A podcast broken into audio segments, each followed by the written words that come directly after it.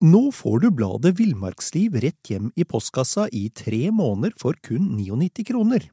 I Villmarksliv kan du lese om norsk natur, ærlige tester av klær og utstyr, og mange gode turtips skrevet av erfarne friluftsfolk, fiskere og jegere. Send SMS VILL36 til 2205 og motta bladet allerede neste uke. Lev livet villere med bladet Villmarksliv.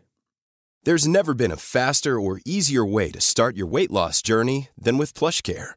PlushCare accepts most insurance plans and gives you online access to board-certified physicians who can prescribe FDA-approved weight loss medications like Wigovi and Zepbound for those who qualify. Take charge of your health and speak with a board-certified physician about a weight loss plan that's right for you. Get started today at plushcare.com slash weight loss. That's plushcare.com slash weight loss. plushcare.com slash weightloss.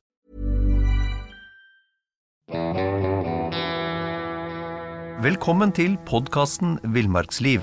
Eh, Mitt navn er Knut Brevik, og jeg er eh, redaktør i Villmarksliv, bladet Jakt og Alt om fiske. Og jeg heter Dag Kjelsås og var redaktør før du overtok, Knut. Det er riktig. Em, I dag skal vi snakke om laksefiskedag. Og vi har begge to en, en bekjent, en, naturlig nok da en felles bekjent, som fiska laks i hele tolv år på rad. Hver sommer, brukte mye tid, fikk ikke en eneste fisk. Før det løsna. Nei, og da, da kan du jo tenke at da er det jo bare å gi opp, men han ga ikke opp. Og så fikk han faktisk bra med laks i de årene som kom etterpå. Kanskje fordi han fant et bra sted å fiske, og kanskje fordi han hadde litt flaks, og kanskje fordi han ble litt dyktigere. Ja, ja. Men laksefiske, er det, er det så vrient? Eh, Jeg pleier å si som en eh, morsomhet at tar en laks til en flue Nei, tar en ørret til en flue, så har du noe i huet. Men får du laks, da har du flaks. Ja, det Så, men, men altså, hvis vi, hvis vi ser på laksen og hvorfor den biter, og hvorfor vi får fisk osv., så, videre, så vil jeg si at kjennskap til elva og hvor det er laks, og hvor i elva laksen står når den biter, det teller ganske mye. Eh, bruk av riktig redskap teller også en god del. Eh, og så har du det der med flaks. For eh, vi fisker Vi kan få laks hele døgnet. Så det med ti på døgnet, det er også litt på det vi må kalle flaks. Så iherdighet er nok et stikkord når det gjelder laksefiske. Ja. Men hvis vi starter med, med holdt jeg på å si, eh, ikke bare holdt på å si, jeg sa det. Um, hvor skal vi fiske? Altså dette med tilgjengelighet og pris. Fordi det er jo, er jo utvilsomt sånn at en del laksefiske er vanskelig å få tak i. Du kan få laksefiske som eh, kost, for enkelte i løpet av uka koster deg årslønn. Ja, nettopp. Da er ikke jeg med. Nei, ikke jeg heller. Men eh, du kan også få laksefiske som er relativt rimelig. Ja. Eh, og vi har heldigvis fortsatt ganske mange elver med vall som er tilgjengelig for eh, oss vanlige mennesker. Ja. Eh, hvor du kan enten være med på en trekning når du, altså det, det trekkes til en viss eh, tidspunkt, f.eks., hvor man samles, og så har kanskje 20 stykker lagt inn en lapp om at de ønsker fiske, og så er det ti som får. Det er et eksempel på hvordan det kan skje. Eller så kan du gå på nettet faktisk og kjøpe kort noen steder, eller du kan møte opp et sted hvor det er et eh, utsalg, hvor de selger kort eh, noen steder helt fritt. ja. Og, og når vi snakker om rimelig laksefiske, hva, hva snakker vi om i døgn, døgnpris da? Det er jo veldig avhengig av hvor du er, men eh, en døgnpris på en 200-300 kroner, det er absolutt mulig å, å, å, å Det er tilgjengelig. Ja. Men noen steder så er det nok noe dyrere, ja. Hvor bør man dra da? Hvis man har, eh, har et, et ønske om å, om å få laks, altså hvor bør vi reise hen? Hvor hvor er sjansene sånn statistisk sett størst for å, for å få laks? Eh, opprinnelig så fantes jo laksen i elvene langs hele kysten vår, fra svenskegrensa og, og til russergrensa. Eh, mer eller mindre så gjør, eh, finnes det fortsatt laks hele veien. Så hvis du bor på Østlandet, så har du muligheter f.eks. i Numedalslågen, som er en stor, fin eh, lakseelv. Eh, noen syns det er mer gøy å reise opp til Finnmark, hvor det er mindre elver og et litt annen type laksefiske. Da. Men eh, Vestlandet har jo tradisjonelt vært et veldig bra område for laksefiske. Dessverre har vi fått litt sjukdom, vi har lakselus, vi har mange uh, farer som lurer når det gjelder laksen, så det er ikke alle elver hvor det er like bra som det var. Nei. Men det er absolutt tilgang til laksefiske. Hvis vi starter i en ende, um, tidligfiske. Ja. Hva er, det som er, eh, hva er det som er utfordrende, og spesielt med tidligfiske etter laks? Da går jo elvene ofte litt strie. Eh, under åpningen så, så kan det være flom noen steder, andre steder så har, har Det kommer litt an på hvor i landet du er. Men i utgangspunktet så er det da ofte litt eh, farga og store elver. Og eh, kraftig strøm, det gjør at du må fiske med redskap som, som kan føres ned til fisken, som jo Laksen står jo gjerne der det ikke er veldig strevsomt å holde seg i elva. Det vil si eh, litt unna kraftig strøm, og gjerne litt ned mot bånn. Ja. Så under tidligfiske så brukes det bl.a. forholdsvis store, tunge sluker, Ja. hvis man bruker eh, sånne redskap. Eller hvis man fisker med flua, at man fisker med et snøre som da, et synkesnøre som da trekker flua ned. Og også ofte litt store fluer og kanskje med litt mye farge, men veldig avhengig av både temperatur i elva og, og hvordan eh, vannføringen er, da. Ja. ja, Si litt om temperaturen og, og vannføring kontra både farger og Ja, vi, vi opplever jo at elvene kan være veldig kalde tidlig i sesongen. Eh, noen elver er kalde midt på sommeren fordi det er brevann som kommer.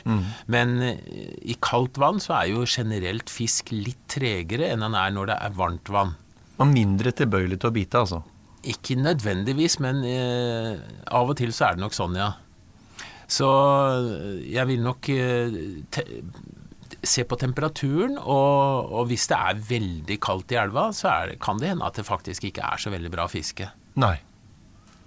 Men eh, vi opplever jo rundt sankthans, sånn generelt, helt avhengig av hvor du er, så, så pleier det å være brukbart eh, fiske i veldig mange elver. Og så vil jo da temperaturen stige utover sommeren, og da blir det en annen type fiske. Ja. Men hvis vi holder oss fremdeles litt på, på tidligfiske. Du, du var inne på, på store fluer. Altså Da er naturligvis eh, rasjonalet bak er at de skal ses. Det er dårlig sikt i elva. Fluene må ses. Ja. Du nevnte også dette med sterke farger på fluene. Gjelder det samme i forhold til sluk, eller er det bestemte farger som er å foretrekke under Det, det, det er nok noe av det samme som går igjen, men, eh, men dette med farge er jo eh, en hel vitenskap når det gjelder laksen, og også utseendet for den saks skyld. Fordi altså, laksen spiser ikke elva. Nei. Og øh, hva er det da som gjør at han biter? Mange mener at det er en slags aggresjon.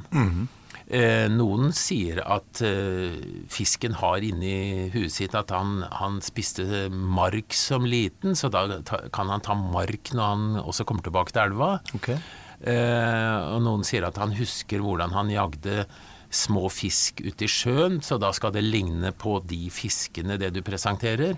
Så det er, ma det er mange morsomme teorier når det gjelder laksefiske, og mye av det stemmer sikkert også, men eh, jeg pleier ofte å si, eh, hvis du spør meg, jeg har aldri vært en laks, så jeg veit ikke helt hvordan du er hvordan- usikker, med andre ord. ja. og det er jo noe av det morsomme med laksefiske, at det, det er ikke noe sånn i helt absolutter, men eh, du kommer veldig langt med erfaring og, og kanskje det å høre på noen som har noen teorier. Ja. Ja, for det, det var, og det var eh, mange år siden, men da husker jeg det var noen som hadde prøvd å fiske med alt. Altså de hadde satt noen kroker på noen skjeer, og det var Altså Det var egentlig bare fantasien som satte grenser, og de fikk jo faktisk fisk innimellom på dette her òg. Ja, det er utrolig hva du kan få fisk på. Eh, Jeg kjenner til en historie hvor det var to mann som gikk inn på hver, eh, på hver sin side av elva. og til slutt så ble han ene lei, for han, de hadde fiska i timevis og i mange dager, og det var veldig dårlig. Ja. Så, så han ville gå opp til bilen, da, men så var det han andre som hadde nøkkelen. Så ble de enige om at han skulle pælme sluken over elva, så skulle han andre binde på nøkkelen, så han slapp å gå helt ned til brua. Ja. Og han uh, bandt på nøkkelen, han ene, og han andre sveiva inn, og pang, der kom det en laks og tok nøkkelen. Nei! uh, så eh, det er Altså Det er veldig artig hvis du, hvis du er i ei lakseelv og fisker, kan du oppleve at noen skikkelig gode fiskere da fisker med digre tubefluer, Ja. Mens andre fisker med knøttsmå nymfer. ja. Og begge kan få fisk. Nettopp, nettopp. Så, så ja. Ja, men, eh, men som sagt, det er nok en del holdepunkter som vi kan følge. Hvis du f.eks. har klart, fint solvær og blå himmel, og det står masse grønne trær langs elva, så er grønt og blått eh, farger som, som kan være veldig aktuelle å bruke på, f.eks. på fluene. da. Ok, ok. Og svart om natta, det er også en eh, huskeregel. Ja, og, og hvorfor det? Hvorfor svart om natta? Ja, det Jeg har jo også hørt om folk som har fått på hvitt om natta, da. Men jeg innbiller meg at om natta så, så ser fisken mer eh, agnet i silhuett. Og en svart silhuett er jo veldig lett å se mot, eh, mot en nattehimmel i forhold til noe som kanskje er grått eller ikke så eh, Eller kanskje minner om vannfargen. Akkurat. Akkurat. Og så må det jo sies, Dag, jeg har jo, jeg har jo hatt gleden av å være med deg en del ganger på laksefiske. Eh, og det spesielle med de turene våre var at jeg aldri fikk fisk, mens du nesten bestandig fikk fisk. Veldig, veldig frustrerende. Eh, også gledelig, selvfølgelig, for jeg gledet meg jo på dine vegne. Men, eh, men, men det jeg alltid lurte på, hva var det du gjorde som gjorde at du fikk fisk, og jeg aldri fikk fisk? Eh, Kan du fortelle det nå? Jo, altså, jeg, jeg har ikke noe logisk forklaring på alt, men, men eh, et av punktene er faktisk at du må stå på. Ja. Du mener at jeg ikke sto på? Ja, nei, jeg vet det har vel vært begge deler. Men i alle fall, det, det nytter ikke å sitte inne ved peisen hvis du skal fiske laks. Nei.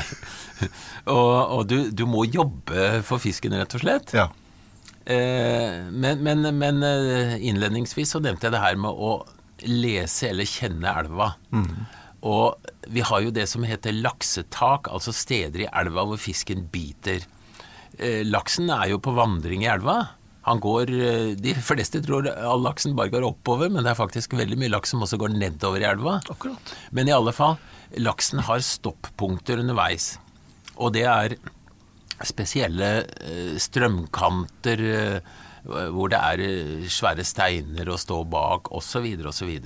Hvis du kjenner til disse plassene, og i tillegg veit hvilke av de plassene hvor laksen faktisk tar redskap, for det er noen steder i elva han ikke er så villig til å ta redskap, andre steder så er han mer hissig, og akkurat det kan jeg ikke helt forklare. I noen sammenhenger så er det det at laksen har gått opp en stri strøm og er sliten, og så plasserer han seg på et hvilested. hvilested. Og kanskje han er som oss, Knut, at han er litt irritert når han er sliten. Jeg veit Ja, ikke. Men, men, men det er altså det er transportetapper, og så er det hvileplasser. Ja, eh, i de områdene hvor det er veldig kanskje jevn eh, strøm og ikke veldig djupt og lite å stå bak av som beskytter mot eh, kraftig strøm og sånn, der stopper ikke laksen noe særlig, det er bare gården. Nettopp. Og du kan få laks som går òg, men da skal på en måte treffe rett foran trynet på den. Ja. ja. Men når laksen da stopper, så kan Det er jo enkelte plasser hvor det står masse laks, som attraktive plasser, og da kan det også være en slags, vil jeg tro, kniving eh, mellom laksene, at de er litt irritert eh, fordi det kommer andre og tar plassen, og de skal ha, ha sitt rom. Og da kan de tenke sånn, muligens også når det kommer en sluk, at det her med jeg må jage vekk den karen der. ja. Men, men vil de plassene her være åpenbare? Altså, hvis man tar seg en tur på vallet sitt før man begynner å fiske, vil disse plassene være åpenbart lette å se, eller vil du, vil du være avhengig av å høre, snakke med noen som veit om hvilke plasser det er? Det er nok litt begge deler, men en erfaren laksefisker ser at der er, eh, på det, den plassen der og der er elva passe djup, Der ser strømmen grei ut. Det, det er ikke veldig kraftig strøm. Eller, eller det er noen virvler som viser at under vannet der så er det en stein, og laksen har veldig lett for å plassere seg bak, eller litt på sida bak en stein. Det er en del sånne tegn som en erfaren fisker vil se etter, og, og kunne peile seg fram og, og fiske effektivt. For det, en del av clouet her er også å fiske effektivt. Den som er uerfaren, vil kanskje bruke masse tid på å fiske på steder hvor det ikke er fisk. Ja.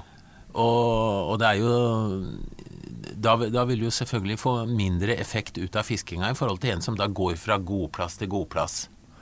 Ja, fordi selv om, selv om ikke laksefiske er uh, rein matematikk, så er det vel en sammenheng mellom tida sluken din er i elva, eller flua di for den saks skyld, er i elva, og sjansen for å få laks?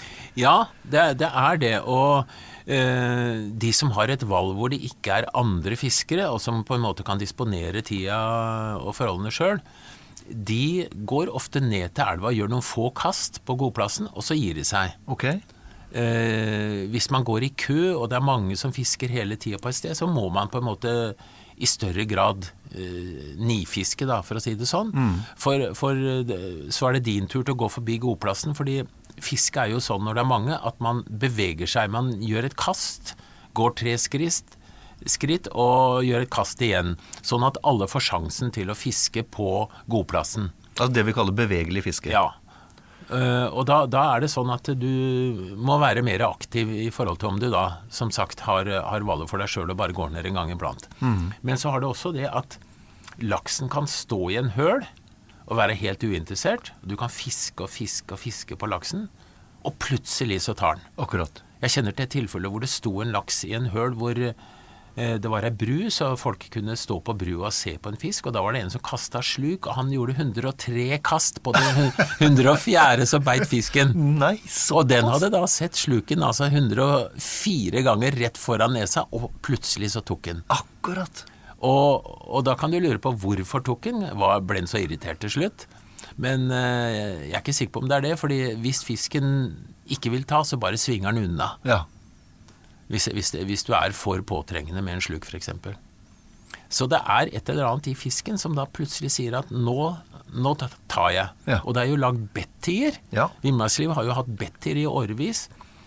Og jeg var i starten skeptisk til disse bettiene, for jeg tenkte Du er en skeptisk fyr, Dag.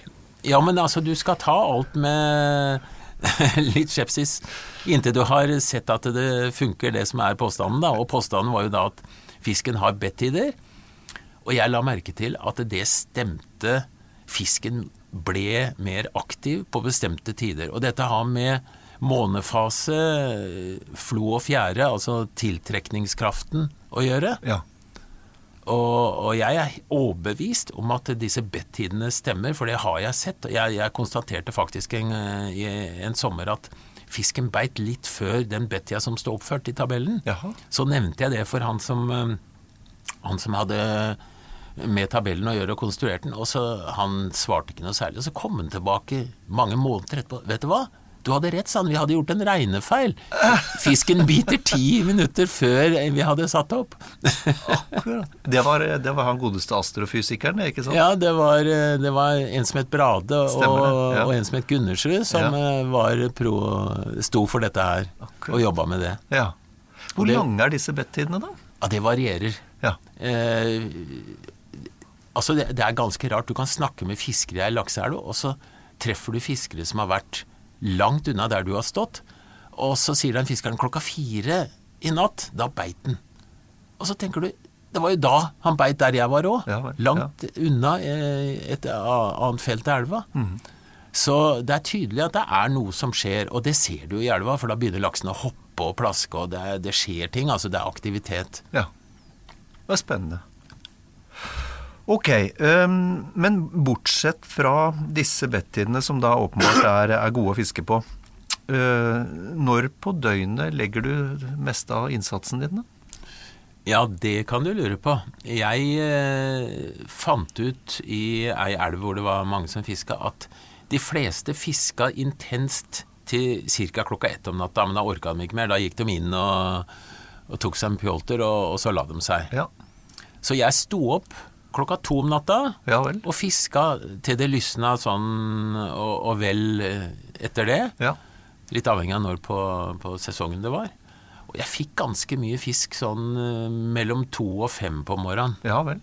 Ok. Og det var nok mye fordi da var jeg kanskje den eneste i elva. Men, men laksen kan bite på formiddagen, han kan bite på ettermiddagen, han kan bite midt på natta. Ja. Ja, for, for dette har vel også noe med når laksen går og går i elva. Altså han, han kommer opp i elva, og så går han. Ja, og, og hvis, jeg har noen ganger i livet vært så heldig å oppleve at det, at det går laks i elva. Altså det er bare en fryd. Altså Du ser det skummer. Ja, det, det, det kommer en stim, altså en svær stim, kanskje mange hundre laks noen ganger. Ja. Og den hopper og viser seg, og det er et liv i elva som bare det. Og hvis du da veit om en plass hvor laksen pleier å bite, så, så kan du gjøre det store varpet. Og jeg har eh, stått og fiska med flue og fått på fisk, og kjørt den beinhardt inn, og så løpt opp igjen og kasta, og på andre kastet så har en fisk igjen, Ja. og kjørte den. Og opp igjen og fikk på fisk for tredje gang, og det var bare sånn så fort jeg klarte å få gjort det. altså. Ja, ja. Men det var litt, over, litt langt ut å vade og sånn, så det tok litt tid. Men, eh, men Og da, det var fordi da gikk det fisk. Da det, passerer, da passerer laksen, rett og slett. ja, og typisk da, det, det var, den gangen så var det seks kilos fisk. Ja. Så det var en sånn gruppe med fisk som kom i full fart. Andre ganger så kommer det masse smålaks, f.eks. De skikkelig store, de kommer nok litt mer få sammen. Ja, Det er jo ikke så mange av dem heller. da, Nei, det er jo akkurat det. Um, og, og, det er vel også sånn at det til en viss grad så er mulig, hvis du veit når, når laksen går, når det går et flak med laks eh, langt nede i elva, så er det vel til en viss grad mulig å forutsi når han passerer de forskjellige plassene oppover òg. Ja, og, og hvis du kommer til ei elv, så er det en fordel å eh, vite når det er høyvann, og hvor lang tid fisken bruker dit du eh, fisker. Ja. For eh, fisken går jo med en eh, gjennomsnittsfart, kan du si, oppover elva. Og hvis du hører at ja, han bruker én time opp hit, der du har valg, så vil du ofte da kunne beregne døgnet ditt på den måten at ja, det er høyvann da, og det er høyvann da. Da må jeg begynne å fiske litt før det er høyvann, og så fisker jeg to-tre timer etter det. Og så kan jeg heller sove imellom. Nettopp, For det er størst sjanse da for at det kommer fisk. Og fersk fisk biter bedre enn fisk som har stått lenge i elva. Ja. Akkurat. Øh, men hvis nå situasjonen er den at du har vært i, vært i elva et stykke tid, du veit det er laks der. Rett som det er, så er det laks oppe og velter seg. Tar ikke. Hva, hva gjør du da? Du nevnte jo han som, som fikk laks på det 104. kastet. Um, men men, men hva, hva gjør du? Eh, det du gjør, eh, er jo ofte å bytte redskap. Ja. Altså gå opp eller ned i størrelse på flue eller sluk, f.eks. Eh, det er én metode. Særlig med, under fluefiske så er det veldig vanlig at du varierer. Vi har jo mange typer laksefluer. Vi har eh, enkelkrok, tradisjonelle fluer. Vi har fluer, tubefluer som, som er lagd rundt en, en lang plasttube, som ser litt annerledes ut, er langstrakte osv. Og, og du, du kan, det er noen gode laksefiskere som faktisk får stor laks på veldig små fluer. Altså det, det er sånn at du må kanskje kjøre litt forsiktig så ikke kroken retter seg ut. Så, så du varierer ofte eh, agnet du bruker. Og, og noen bruker da, hvis, hvis forholdene tilsier det, så bruker de da mark, som vi ikke har snakka om. Som jo også er veldig bra til laks under eh, de forholdene når det passer. Og når det, når det gjelder mark, fisker du da med en enkel krok, eller fisker du med trebbelkrok? Eh, Hvor lang fortom har du? Altså, litt mer om markfiske i dag. Jo, da bruker vi eh, slukredskap, kan du si. Vi har eh, gjerne litt lang stang. Så har vi da en tredelt virvel som hovedlina går inn til.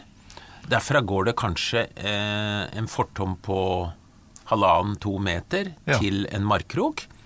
Og fra den andre delen av virvelen så går det et eh, snøre ned til et søkke. Ja.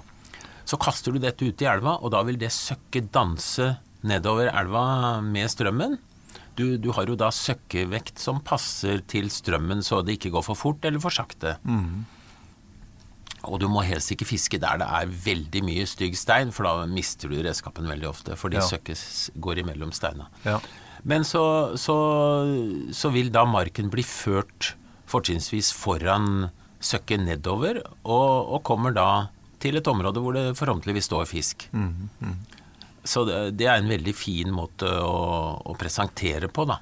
Jeg husker at jeg ble forklart en gang, eller en gammel laksefisker som prøvde å lære meg at når du fiska med, med mark, så skulle du ha såpass eh, følelse med utstyret at du merka blysøkket som dunka på båndet nedover. Du skulle ha såpass kontakt med, med utstyret ditt at du kunne fornemme eh, dunkinga fra blysøkket. Eh, hvis du har holdt på med det markfisket ei stund, så har du en veldig følelse for hva som er bånd og steiner, og hva som er en laks som tar. Og, og det der må bare erfares, rett og slett, fordi forskjellen er ikke veldig stor. Men, men eh, sånn i utgangspunktet, da, når det stopper opp, så kan det være at søkket sitter bak en stein, eller at det er en fisk som har stoppa det. Og under markfiske så er det ofte sånn at du skal ikke gi tilslag med en gang, fordi fisken han, han smaker vel litt på agnet først, og så eh, biter han ordentlig. Ok. Og hva snakker vi om i, i forsinka reaksjon her, da? Altså hvor, hvor lenge skal du vente før du gir tilslag? Nei, jeg venter ofte La meg si du teller i hvert fall til tre. Ok, med, med, med, med rolig tempo. Ja. Så, men men det, det varierer jo etter forholdene, da, hvordan du fisker. Og jeg har jo fiska noe laks uten søkke, med rett og slett bare fri flytende eh, markkrok. ja. Og i en periode av sesongen så er det ikke lov å bruke søkke, f.eks.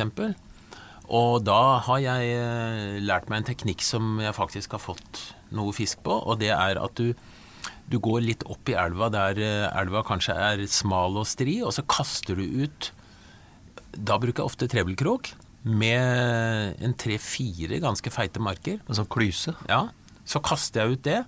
Så bruker jeg multiline, som gjør at du kan kaste ganske langt, og, og haspelsnelle. Og så følger jeg med snøret nedover. Jeg, lar eh, altså jeg stå, står ikke på det stedet jeg kasta ut, men jeg går med strømmen nedover. Du leier, leier marklysa Ja, nedover, ja, faktisk. Og da, da får du jo også eh, agnet ganske dypt etter hvert. Og så må du jo da være veldig følsom, og ikke bare følsom, men også se på lina hva som skjer. Ja. Og det er jo ganske spennende når det stopper opp, da. Gikk marken i bånn, eller var det noe annet som skjedde? Nå får du bladet Villmarksliv rett hjem i postkassa i tre måneder for kun 99 kroner.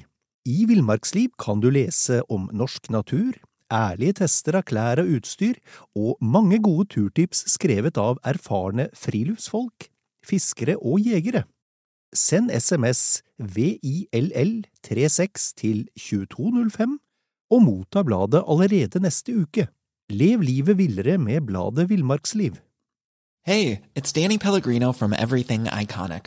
Ready to upgrade your style game without blowing your budget? Check out Quince. They've got all the good stuff shirts and polos, activewear, and fine leather goods, all at 50 to 80% less than other high end brands. And the best part? They're all about safe, ethical, and responsible manufacturing. Get that luxury vibe without the luxury price tag. Hit up quince.com slash upgrade for free shipping and 365 day returns on your next order. That's quince.com slash upgrade. Ja, ja. Og når vi snakker om markfiske, så kommer vi jo ikke utenom, eh, utenom den røde tråden. Ja. Hvor viktig er den? For noen er den veldig viktig, for andre så er den ikke viktig i det hele tatt. Men en Er den viktigere for fiskerne for laksen? Ja, kanskje. Altså, trua teller mye. ja. Men rødt er jo en farge som trigger laks eh, av erfaring, og det er mange som knyter på en, en rød ulltråd øverst på kroken, da. Ja, Så det blir en sånn eh, markflue, kan du kalle det. ja, ja. ja.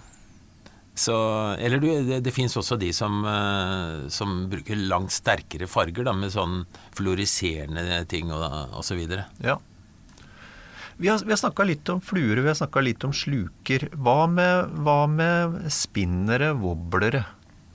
Wobblere er jo veldig effektive på laksefiske, og når du de som driver med harling, som det heter. Altså du sitter i en båt og krysser fram og tilbake på elva og lar deg drive sakte nedover kanskje tre meter for hver runde over elva, sånn at du da avfisker eh, elva. Eh, De bruker veldig ofte wobbler. Ja. Kanskje to stenger med wobbler og ei med flue i, midt, i midten bak båten. Og så, så vil disse, dette her da eh, fiske over elva veldig effektivt. Ja.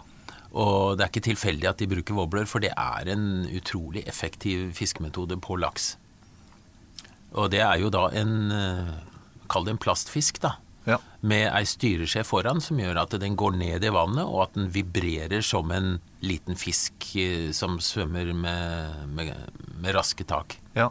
Og fan, en fantastisk sånn vrikkende og, øh, vrikkende og provoserende gange. Men, men der er vel også, er vel også en, en, et poeng, Dag, at man, det er greit å sjekke gangen til wobbleren før man begynner å fiske. At man slipper ut noen meter og, så, og, og ser hvordan wobbleren beveger seg i vannet og eventuelt justerer.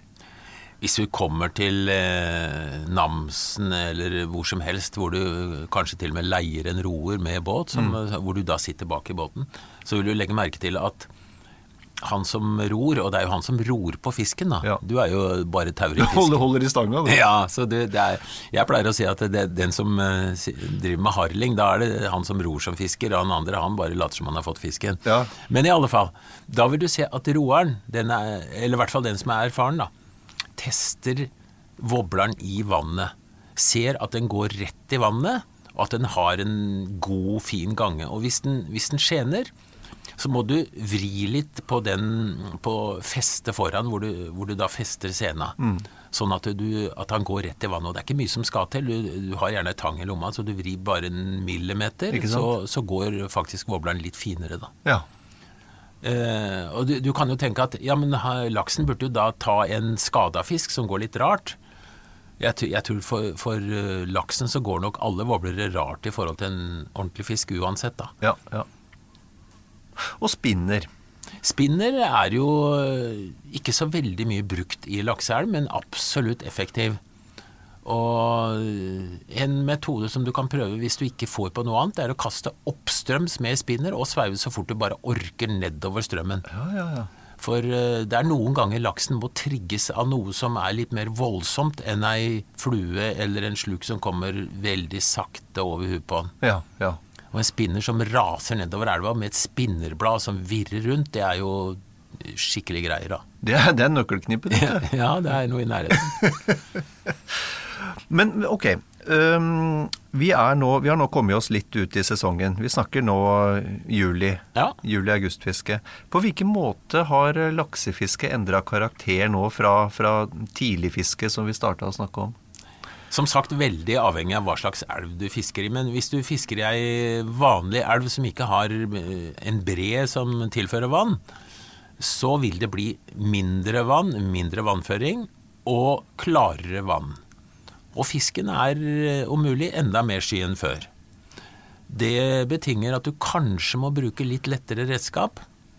eh, Litt eh, tynnere fortom, litt mindre flue, og kanskje fiske litt mer om natta enn du gjorde i starten på sesongen. Ok. Fisken, det har vi heller ikke nevnt, fisken slipper seg jo av og til ned på brekket, som det heter, mot kvelden. Og det er jo typisk når fisken står om sommeren i bånn på de store hølene og er veldig sky og det er lite vann. Den er ikke så lett å komme på talefot med, men om natta så kan den bli litt mer aktiv og slippe seg ned mot kanten der det bryter og blir foss på nedsida, kanskje. Ja, hvorfor da- gjør den det? Ja, det er vel kanskje for å få mer oksygen, jeg veit ikke. Men, men i alle fall, øh, han gjør det erfaringsmessig. Og, og da har du eh, litt lettere å, å komme på talefot med fisken enn når han står og døser mer eller mindre, som man kan gjøre hvis det er veldig varmt mm. i elva, da. I, og ofte i bånn på en kulp, da. Og når laksen hugger, og jeg sier, jeg sier når um... Ikke hvis. hva, hva, altså, hva, hva gjør vi da? Da blir vi glad, da, Da blir vi glad. Ja. Altså, jeg har jo ikke opplevd det, men, én en dag. Du har sett andres glede. Ja. Men hvordan, hvordan oppfører du deg i forhold til, til laksen? Når den Ja, da blir jeg klin gæren. Ja, det veit jeg. Eh, altså, min første tanke når det biter, Ja. det er hvor skal jeg ta inn laksen hen? Ok. For det, eh, en liten ørret, den tar du bare heise på land. Det gjør du ikke med en laks. Nei. Og du, du må også være, tenke på at at det skal stemme med den metoden du bruker når du tar den inn. For det er mange metoder du kan bruke. Det, klepp brukes fortsatt. Det er jo, da er du, skal du ikke slippe ut fisken etterpå, i hvert fall. For da, da har du faktisk en krok du røkker inn gjerne under kjeven på laksen og heiser den opp. Ja. Og det, den kleppen kan du bruke da nesten uansett hvordan det ser ut i elva, bare det ikke er for stri strøm, da. Mm. det samme gjelder til dels håv, men det er mye lettere å ta inn en fisk der det er rolig vann, enn der det er eh, mye strøm. Så jeg pleier eh, å gå et sted med fisken, og du kan leie laksen, faktisk. Ja. Gå sakte og ikke rykke i stanga, så kan du føre laksen dit du vil. Men- I, I men noen tilfeller. Men, men Ja, unnskyld? Jeg skulle til å si, men, men hele tida spent line. Hele tida høy stand. Ja, ja, ja. line. Og ja, ja, for guds skyld. Og, og med, med altså en uh, slurebrems på snella som gjør at fisken kan dra ut snøret hvis han blir hissig, og det blir han jo gjerne. Mm, Hvis du skrur til bremsen, da, da kan du i grunnen bare strekke deg så langt du orker, og så sier det pang, og så røyk det snøret. Ja. For laksen er kraftig, og han legger seg på strømmen. Men eh, hvis du da klarer å føre laksen til et sted hvor det er litt roligere, og gjerne litt langgrunt, ja. så har du oddsene på din side. For da kan du faktisk uten noe hjelp rygge laksen innover. Du går bakover og, og litt unna laksen, gjerne en to-tre stanglengder til, eh, med snøre til laksen. Og så kan du føre laksen innover mot grunna, og da plasker han seg mer eller mindre innover sjøl òg, for han sparker fram med halen, ikke sant? Ja, ja, ja. Og da kan du bare la han sprelle seg inn på land, og så løper du fram og, tar et grep rundt halvrota og løfter fisken inn. Eh, men håving er jo også en veldig fin metode, og hvis forholdene er litt vanskeligere og du ikke kan føre laksen inn, så er en håv å anbefale. Og den vil du da eh, helst bruke sånn at du har Laksen er såpass sliten at han går med sida på sida. Du ser at han har, han har gitt opp litt. Grann, og så fører du da laksen sakte inn over håven og, og løfter håven. ja. Eh, du kan også ta laksen ute i elva uten noe redskap. Da teiler du. Da tar du hånda og eh, får et kraftig grep rundt halerota, for den er litt tjukkere ned mot uh, halefinnen enn den er mot kroppen, sånn at du kan faktisk løfte laksen. Men eh, du må da se an at du er sterk nok i forhold til laksen. For eh, det er litt flaut å prøve å teile en ti kilos laks, og så klarer du ikke å løfte den, og så mister du den. Nei. Og du må ikke prøve det med sjøørret. Det har jeg prøvd en gang. Ja. Jeg mista en fire kilos sjøørret en gang som jeg trodde var laks. Uh. Og da, da, da bare glir det unna, og du, du klemmer så hardt som du bare orker, men det hjelper ikke, for den har ikke sånn halefinne som, som eh, hvor, hvor slutten av kroppen går utover igjen, så du får ikke tak. Akkurat. Og så, også vet jeg at du, du en gang, Dag, hadde en, eh, en litt merkelig opplevelse da du skulle lande en fisk. eh, Hvor du eh, var ute på tur selv. Ja, det er, det er ikke noe god reklame for eh, hvordan du skal oppføre deg i elva, men eh, Hva skjedde egentlig da? Nei, det var, det var flom i elva. Og jeg trodde det var en uh, forholdsvis liten fisk som var oppe på brekket, som vi sier, der uh, hølen slutter. Og det her var en kjempesvær høl hvor den var 13 meter djup, og de påstod at det aldri var en fisk som hadde gått ut av den hølen. Oi.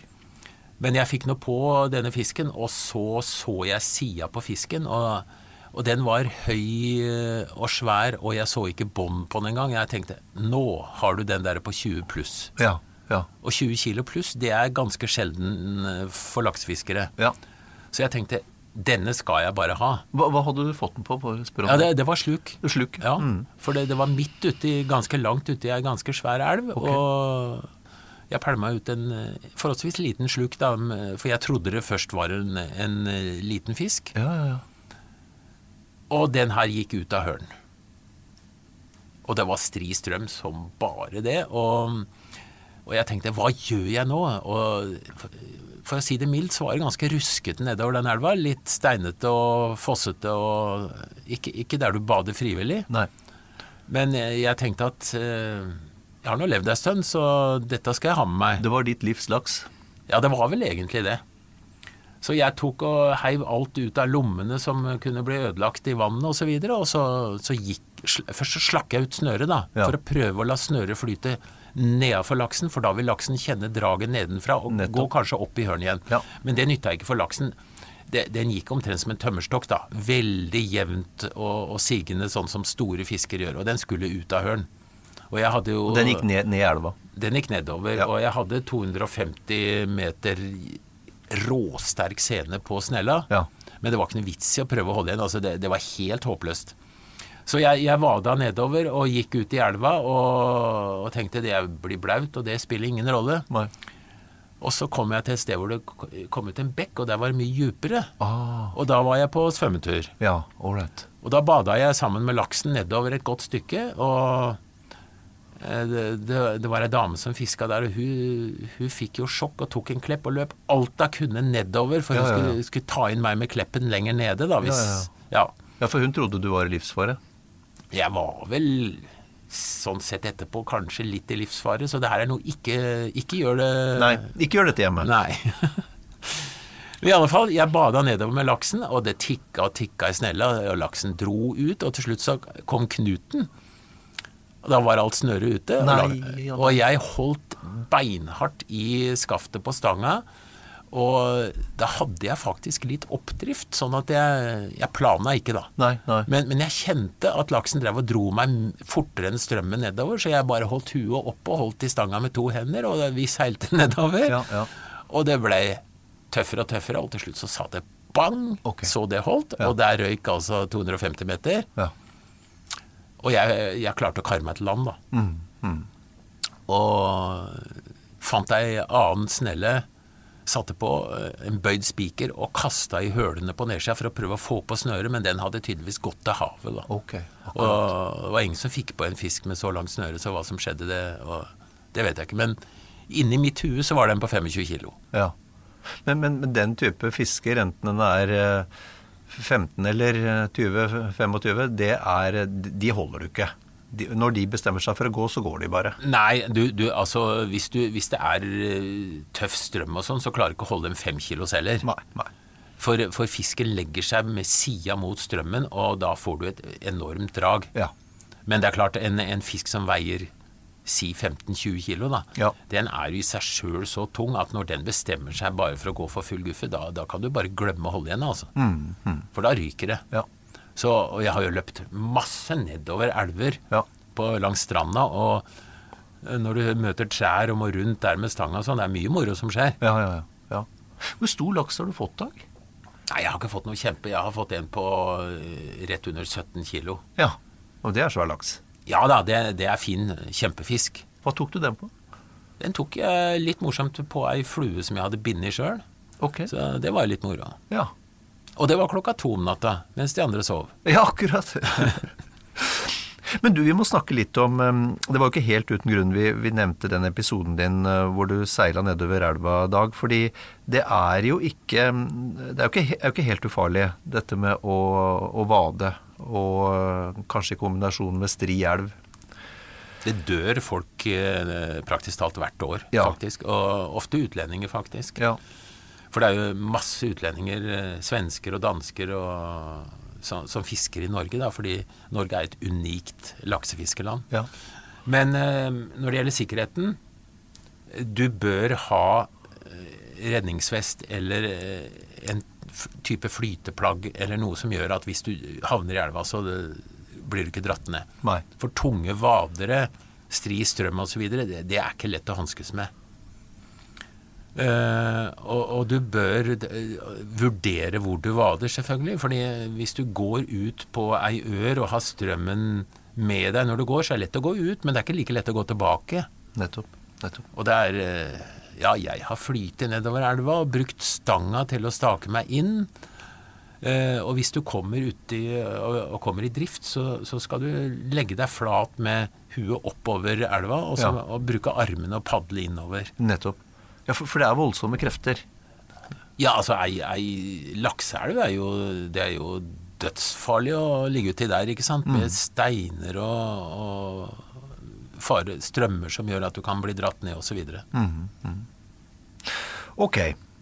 Um, vi, må, vi må snakke litt grann om, eh, om hvordan du tar vare på laksen når du har fått den etter fangsten. Ja, det er jo en utrolig matressurs, da. Ja. Uh, forholdene er jo noen steder sånn at man slipper ut i en laks, men hvis vi snakker om den laksen vi skal ha som mat, så skal vi bløgge. Ja. Uh, tappe av blod. Ja. Og det gjør vi med et snitt uh, akkurat der like bak gjellene hvor du treffer hovedpulsåra, kan du si. Mm. Og et lite tips er å snitte litt bak i halen nå. Ok. Eh, jeg vet ikke helt hva som skjer, men jeg regner med at det er at du åpner for ei åre, sånn at det ikke blir at ikke blod henger igjen i fisken, at det, åpner seg så at det så blir lettere å, å renne gjennom fisken. Ja. Iallfall så, så funker det ved at han blør litt mer. Ok. På begge sider av eh, sporen, eller på bare én side? Ja, det, gjerne på begge sider, helt bakerst. Ja. Det er et lite tips som jeg fikk av en gammel fisker en gang, og jeg, jeg syns det førte til at du får ut mer blod. Ja. Eh, og så når du da har, har fått fisken, så går du ikke og hiver den rett i fryseren. Nei. La fisken henge i noen timer, sånn at han får dødsstivheten, og etter det blir bedre, bedre kjøtt, faktisk. Litt som viltet. Ja. Ikke helt på samme måte, men, men at han faktisk får, får henge litt. Grann. Akkurat. Gjerne i et kjølerom etter hvert, da. Ja, og da, og da snakker vi Da snakker vi pluss et døgn, eller? Ja, altså hvis du har et kjølerom, så er det jo ikke noe problem at Nei. han eh, er der et døgn. Nei. Så fisk skal jo ikke utsettes for kraftig varme, selvfølgelig. Og vi fisker mye på sommeren, så det er veldig greit å ha eh, et sted hvor du kan eh, få oppbevart fisken. Og hvis du ikke har noe tilgang til, til noe kjølerom, så må du jo fryse den ned. Men, men vent et par timer uansett, altså. Ja, ja. Akkurat. Mi, ja. Hvis du ikke har tilgang til eh, Hvis du f.eks. er i Finnmark og fisker ei lita finnmarkselv uten tilgang til verken kjølerom eller fryser, hva, hvordan skal du mm, oppbevare fangsten din da? I sommer så var jeg, hadde jeg akkurat det, det forholdet da jeg var og fiska i ei elv inne på vidda, faktisk, og fikk eh, smålaks. Og da fileterte jeg fisken, veldig renslig og, og bra, uten å komme i kontakt med jord. Ja. Og så, så tok jeg og salta fisken, og, og gjorde den på en måte klar for en slags eh, graving, kan du si, da. Ja, ok. Du kan ha med salt og sukker i blanding, og så kan du faktisk uh, lage gravlaks. Sette i gang Som, som, prosessen og der den og da. Den holder, holder litt lenger enn vanlig fersk laks som ikke har gjort noe med. da. Ja, ja, ja. Men, men eh, det er ikke så viktig å ta ut innmaten på laksen som det er på en ørret, fordi ørreten er full av mat. Den spiser hele tida, men det gjør ikke laksen. Mm. Nei. Så den er veldig ofte tom i, i magen. Ja. Så du kan uh, fryse ned laks uten å ta ut innmaten. Mm, Men du, du tar jo gjerne av uh, hode og gjeller, da. Ok. Men hvis vi skal oppsummere litt, eh, Dag, så, så eh, det, er det tilgang. Det er tilgang til laksefiske til alle lommebøker og, og i store deler av Norge. Eh, Og så er det vesentlig å vurdere elva, eller vurdere den strekningen du har rett til å fiske på når du kommer, og, og se etter, etter plasser hvor, hvor laksen står eller stopper opp.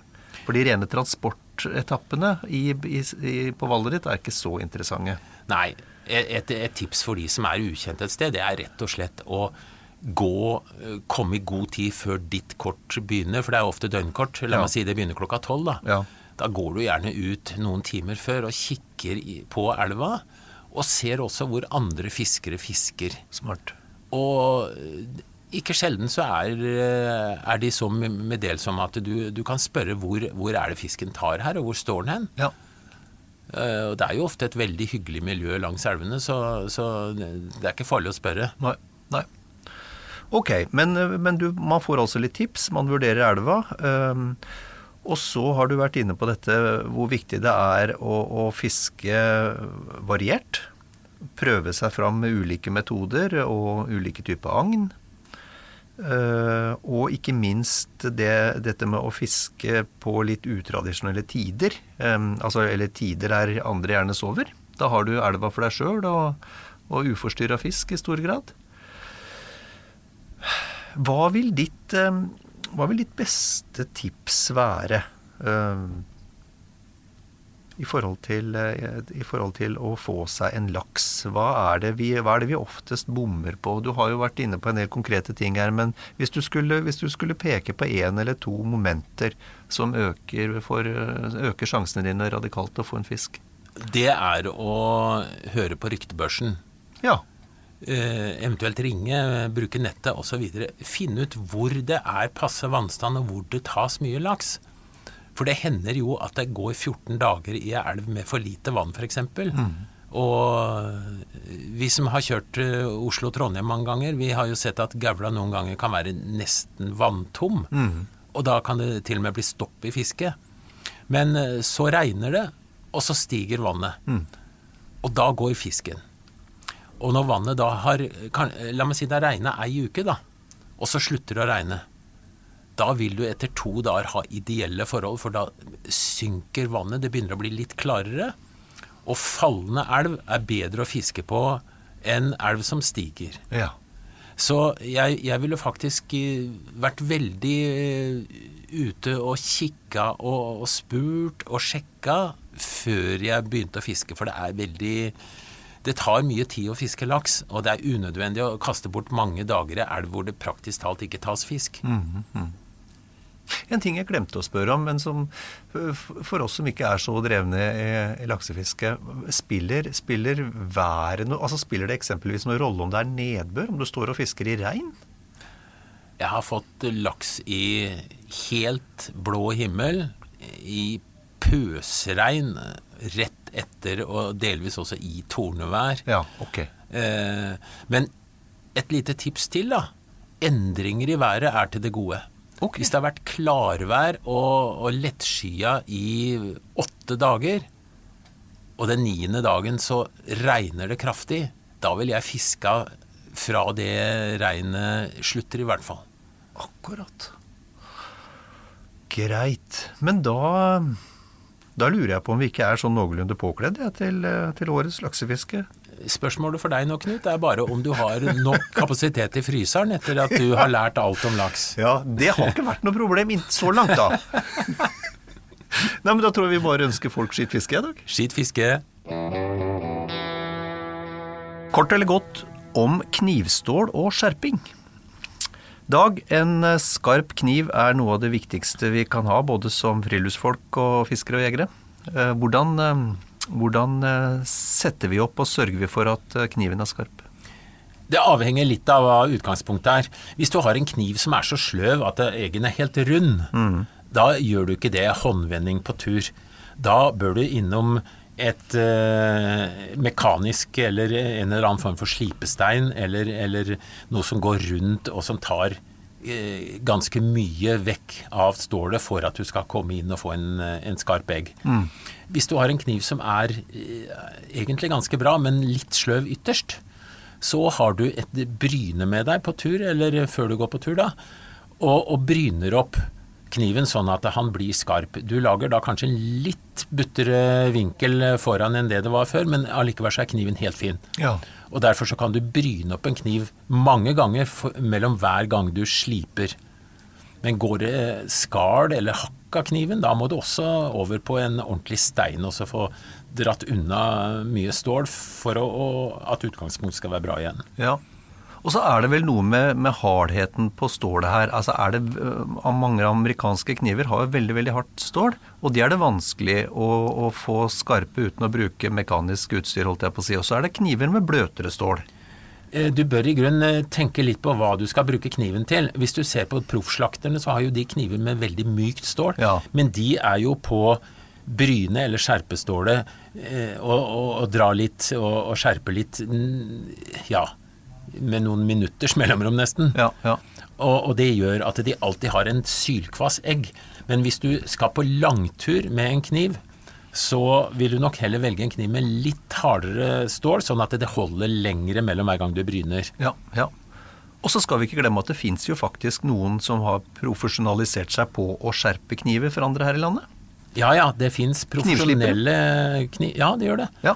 Men, men knivslipping kan du stort sett klare sjøl òg. Det, det, er ikke så veldig mye du skal kunne, men eh, du bør ha rett redskap. Og det fins jo f.eks. diamantbryner, sånne små runde som du putter i lomma, mm. som er veldig nyttig å ha med på tur. Og de kan i grunnen eh, sette opp kniven ganske mange ganger før du som sagt må ta det litt, grundigere på eh, et, en slipstein eller tilsvarende. Nå får du bladet Villmarksliv rett hjem i postkassa i tre måneder for kun 99 kroner. I Villmarksliv kan du lese om norsk natur, ærlige tester av klær og utstyr, og mange gode turtips skrevet av erfarne friluftsfolk, fiskere og jegere. Send SMS VILL36 til 2205 og motta bladet allerede neste uke. Lev livet villere med bladet Villmarksliv. Hi, I'm Daniel, founder of Pretty Litter. Cats and cat owners deserve better than any old-fashioned litter. That's why I teamed up with scientists and veterinarians to create Pretty Litter. Its innovative crystal formula has superior odor control and weighs up to 80% less than clay litter. Pretty Litter even monitors health by changing colors to help detect early signs of potential illness. It's the world's smartest kitty litter. Go to prettylitter.com and use code ACAST for 20% off your first order and a free cat toy. Terms and conditions apply. See site for details. Mom deserves the best, and there's no better place to shop for Mother's Day than Whole Foods Market. They're your destination for unbeatable savings, from premium gifts to show-stopping flowers and irresistible desserts. Start by saving 33% with Prime on all body care and candles. Then get a 15-stem bunch of tulips for just $9.99 each with Prime. Round out Mom's menu with festive rosé, irresistible berry chantilly cake, and more special treats. Come celebrate Mother's Day at Whole Foods Market